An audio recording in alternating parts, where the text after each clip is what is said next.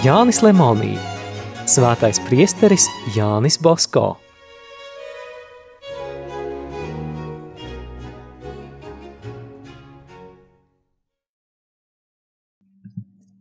Trešās daļas astotā nodaļa – Salezijāņu līdzstrādnieki, 1876. gads. Misionāru aizceļošanu priestris Bosko uzskatīja par kongregācijas izplatīšanos un tās darba sekmīgu rezultātu. Misionāru uzņēmībai un drosmei vajadzēja būt turpmākā darba iedvesmotājai kā viņam pašam, tā arī jaunās salezijāņu kongregācijas locekļiem. 1878. gada 3. februārī saicinājis oratorijas salezijāņus Jānis Bosko tiem sacīja – Gribu jums izskaidrot kādu domu, kura mūs visus mudina iet uzupurēšanās ceļu. Redziet, ja jau vienkārši trūcīgs, vajāts priesteris varēja uzsākt un veikt tik grūtu darbu kā mūsējo, atkārtoju, ja visu to spēja padarīt viens priesteris bez nekā, tad cik gan darbu dievam nav tiesības gaidīt no 330 veselīgiem stipras gribas, mācītiem un ar visu nepieciešamo apveltītiem vīriem. No jums Dievs gaida tiešām ļoti daudz.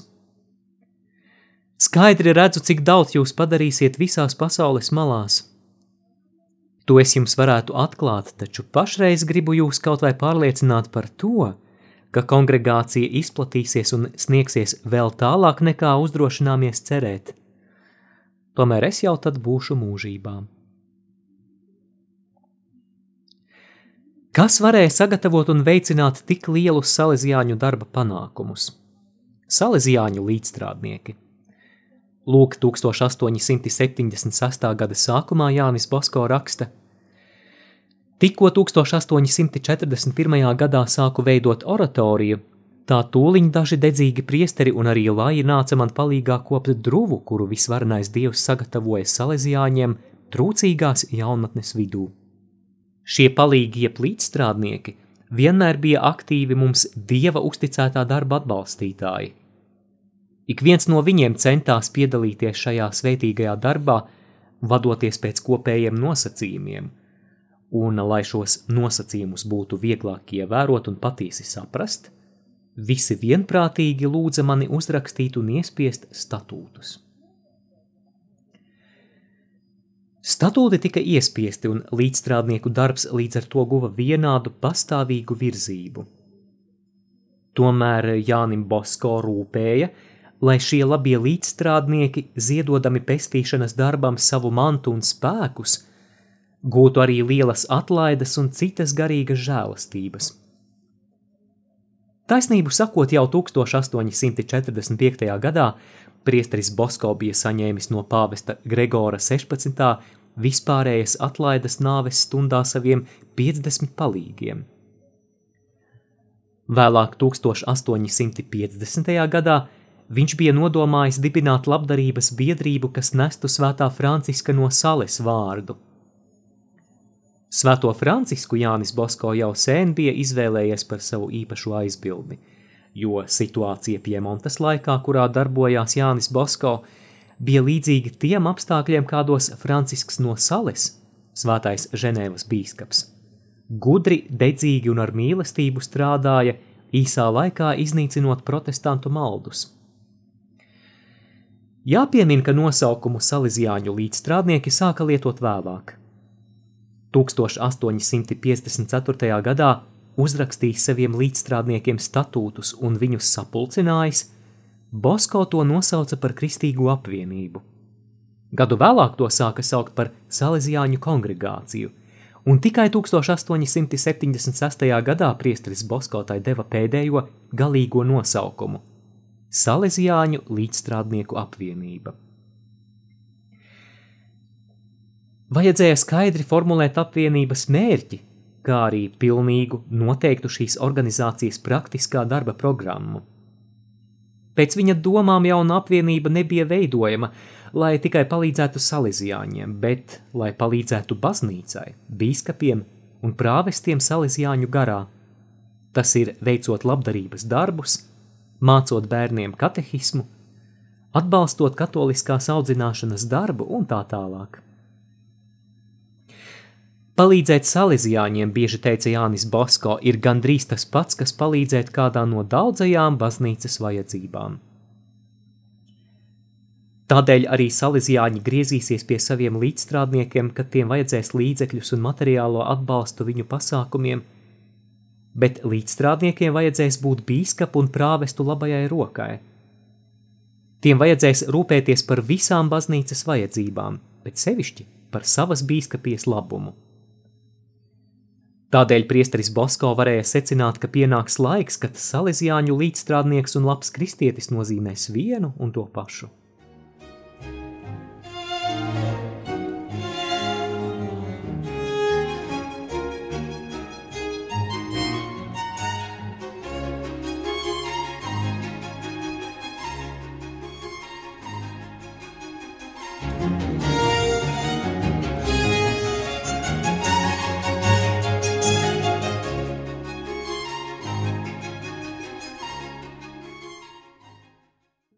Nodibinājis līdzstrādnieku apvienību Jānis Bosko saprata, ka tai vajadzīga sava avīze.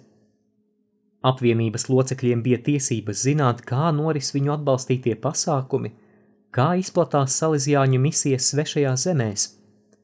Tādēļ 1877. gada Turīnas salīdzjāņu tipogrāfijā tika iespiests pirmais neperiodiskais Boletino Salīzjāno – Salīzjāņu ziņas numurs. Šis laikraksts iznāk vēl šodien, tikai tagad jau 500 tūkstošos eksemplāru. Jau minējām, ka priesteris Bosko izsūtīs bīskapiem salīdzjāņu līdzstrādnieku statūtus, drīz no tiem saņēma atzinības vēstules. Jānim Bosko šīs vēstules bija ļoti dārgas, jo tās varēja atvērt Vatikāna durvis.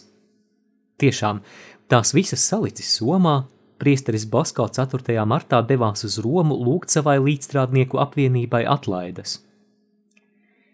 Pīs 9. tūliņ viņu pieņēma, paņēma statūtus un sāka tos lasīt. Nekur nebija vārda līdzstrādnieces. Pāvests piebilda: Bet kādēļ jūs šajā darbā neiesaistiet līdzstrādnieces? Nē, nē, izņēmumu neatļaušu. Tūliņ līdzās līdzstrādniekiem uzrakstiet arī līdzstrādnieces. Vienmēr sievietēm baznīcā bijusi liela nozīme, sevišķi tautu ievadīšanā kristīgajā mācībā. Bez tam jau no dzimšanas sievietes ir vairāk piemērotas palīdzēt labos darbos nekā vīrieši. Tās neievērodams jūs neizlietotu ļoti lielu spēku.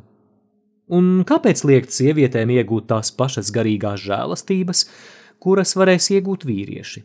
Tas būtu pavisam netaisnīgi. Jānis Bosko atvainojās un statūtos ierakstīja divus vārdus un līdzstrādnieces. Parasti priesteris Bosko vienas vajadzības dēļ vien nebrauca uz Romu, tā arī šoreiz. Ieguvis līdzstrādniekiem atlaides, viņš uzsāka sarunas par privilēģiju nepieciešamību. Tomēr te viņam bija jāsaduras ar to pašu šķērsli, kura dēļ jau agrāk visi viņa soļi bija veltīgi. Jānis Basko atgriezās mājās pavisam noskumis.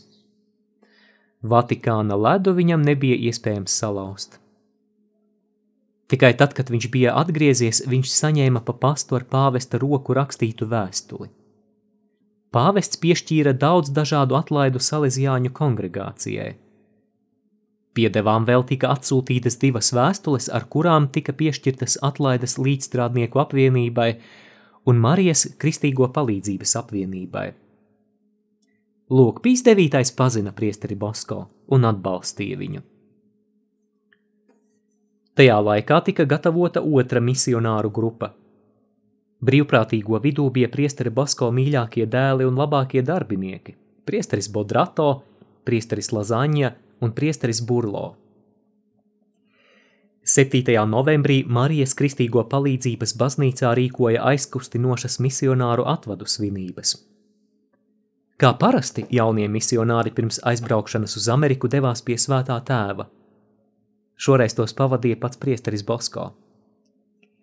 Pīs devītais jau iepriekš bija iedevis kardinālam Bilijam 5000 liru, likdams šo summu nodot salīdzjāņu misionāriem. Bet jāatbrauc pats priesteris Bosko, viņš teica. Tad jūs seksiet arī viņa ceļa izdevumus. Svētā krēsla kasieris tūliņ Jānim Bosko izsniedza tūkstošu liru lielu ceļa naudu. Misionārus pie svētā tēva pavadīja ne tikai priesteris Bosko, bet arī četri kardināli. Pīs devītais bija ļoti aizkustināts un spēja pasakīt tikai sekojošus vārdus. Atkal salīdzjāņu bariņš traucas uz Ameriku. Lai Dievs jūs svētī, mani bērni, lai viss svētākā jaunava jūs sargā. Vairāk nespēdams runāt, vecais pāvests nokāpa no sava troņa, piegāja pie katra misionāra, svētīja, apskāva un sniedza skūpstam pāvesta gredzenu. Tad apstaigājis visus misionārus, Pīs devītais sacīja priecīgu uzrunu. Vēlreiz svētījis misionārus, viņš aicināja tos būt patiesiem dedzīgiem apustuļiem un neaizmirst izceļotājus plašajā Argentīnas republikā.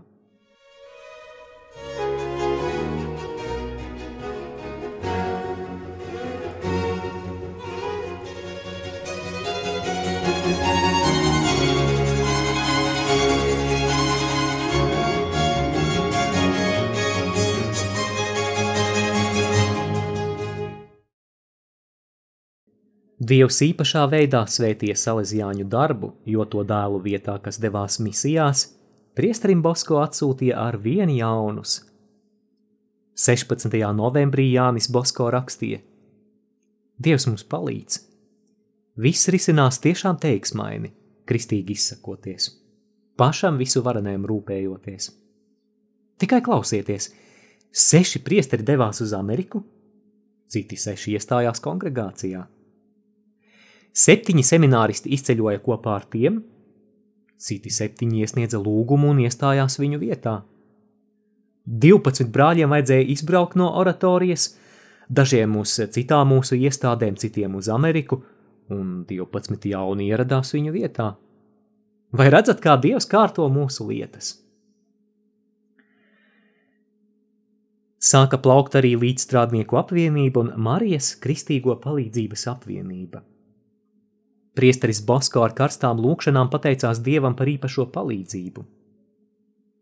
Oktobrī pēc rekolekcijām Jānis Bosko redzēja garu un sarežģītu sapni. Tā pati persona, ko viņš redzēja citos sapņos, šoreiz Jānim Bosko sacīja: Nāc šurp! Es tev parādīšu svētā Franciska no sales kongregācijas nākotni. Kāp uz šī akmens un tu redzēsi!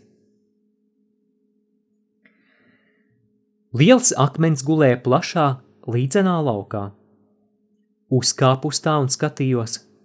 Manu acu priekšā parādījās brīnišķīga ainava. Lauks, kas sākumā nelikās liels, sniedzās pa visu zemi. Tajā bija sapulcējušies dažādu rasu ļaudis, dažādi ģērbti. Cilvēku bija neizsakāmi daudz. Tuvojos tiem. Viņi bija ģērbušies kā mēs itāļi. Pirmajās rindās stāvošos gandrīz visus pazinu. Tie bija salīdzjāņi, kas veda līdzi zēnu barus. Pēc tam gāja citi, arī kopā ar zēniem. Tos vairs nepazinu, bet to bija ļoti daudz. Pēc tam man garām pagāja sicīlieši, afrikāņi, cilvēki, kuru tautību nespēja noteikt pēc izskata. Visus šos cilvēkus pavadīja salīdzjāņi, tomēr es tos pat vairs nepazinu.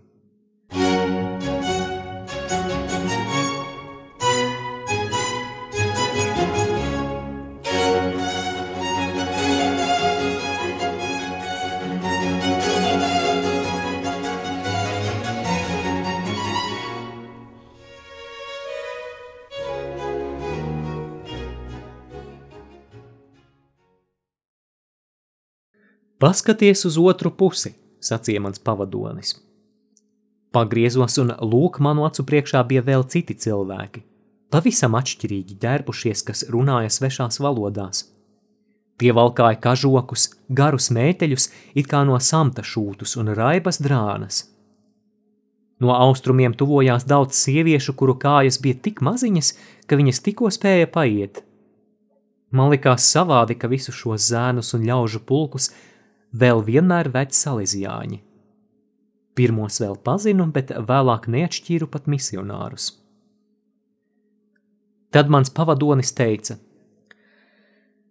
Tagad varbūt tu visu nesapratīsi, ko es tev sacīšu, bet klausies un iegaumē. Tas viss, ko tu tagad redzi, ir salīdzjāņu pļaujas lauks. Tikai skaties, kas tā par pļauju. Tam laukam, kurā tu tagad esi, jākļūst par auglīgu druvu, mēslotai ar tavu salīdzjāņu sviedriem. Redzi šos salīdzjāņus? Tie ir vīna kalna strādnieki. Vairums viņu strādā, un tu tos pazīsti. Vai tu redzi? Apvārsnis kļūst plašāks un parādās arvien vairāk ļaužu. Tas nozīmē, ka salīdzjāņi ne tikai šajā gadsimtā, bet arī vēlāk apstrādās savu lauku. Bet vai zini, kā īstenosies tas, ko redzi un saproti? Es tev pastāstīšu. Iegaumē.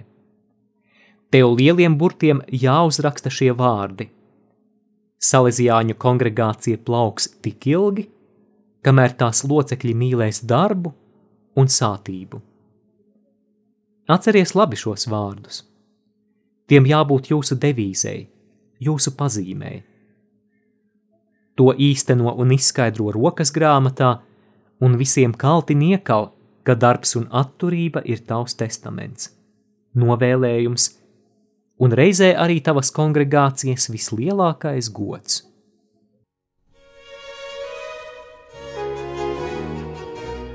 Izskanēja lasījums no Jāņa Lemonija grāmatas Svētais priesteris Jānis Bosko.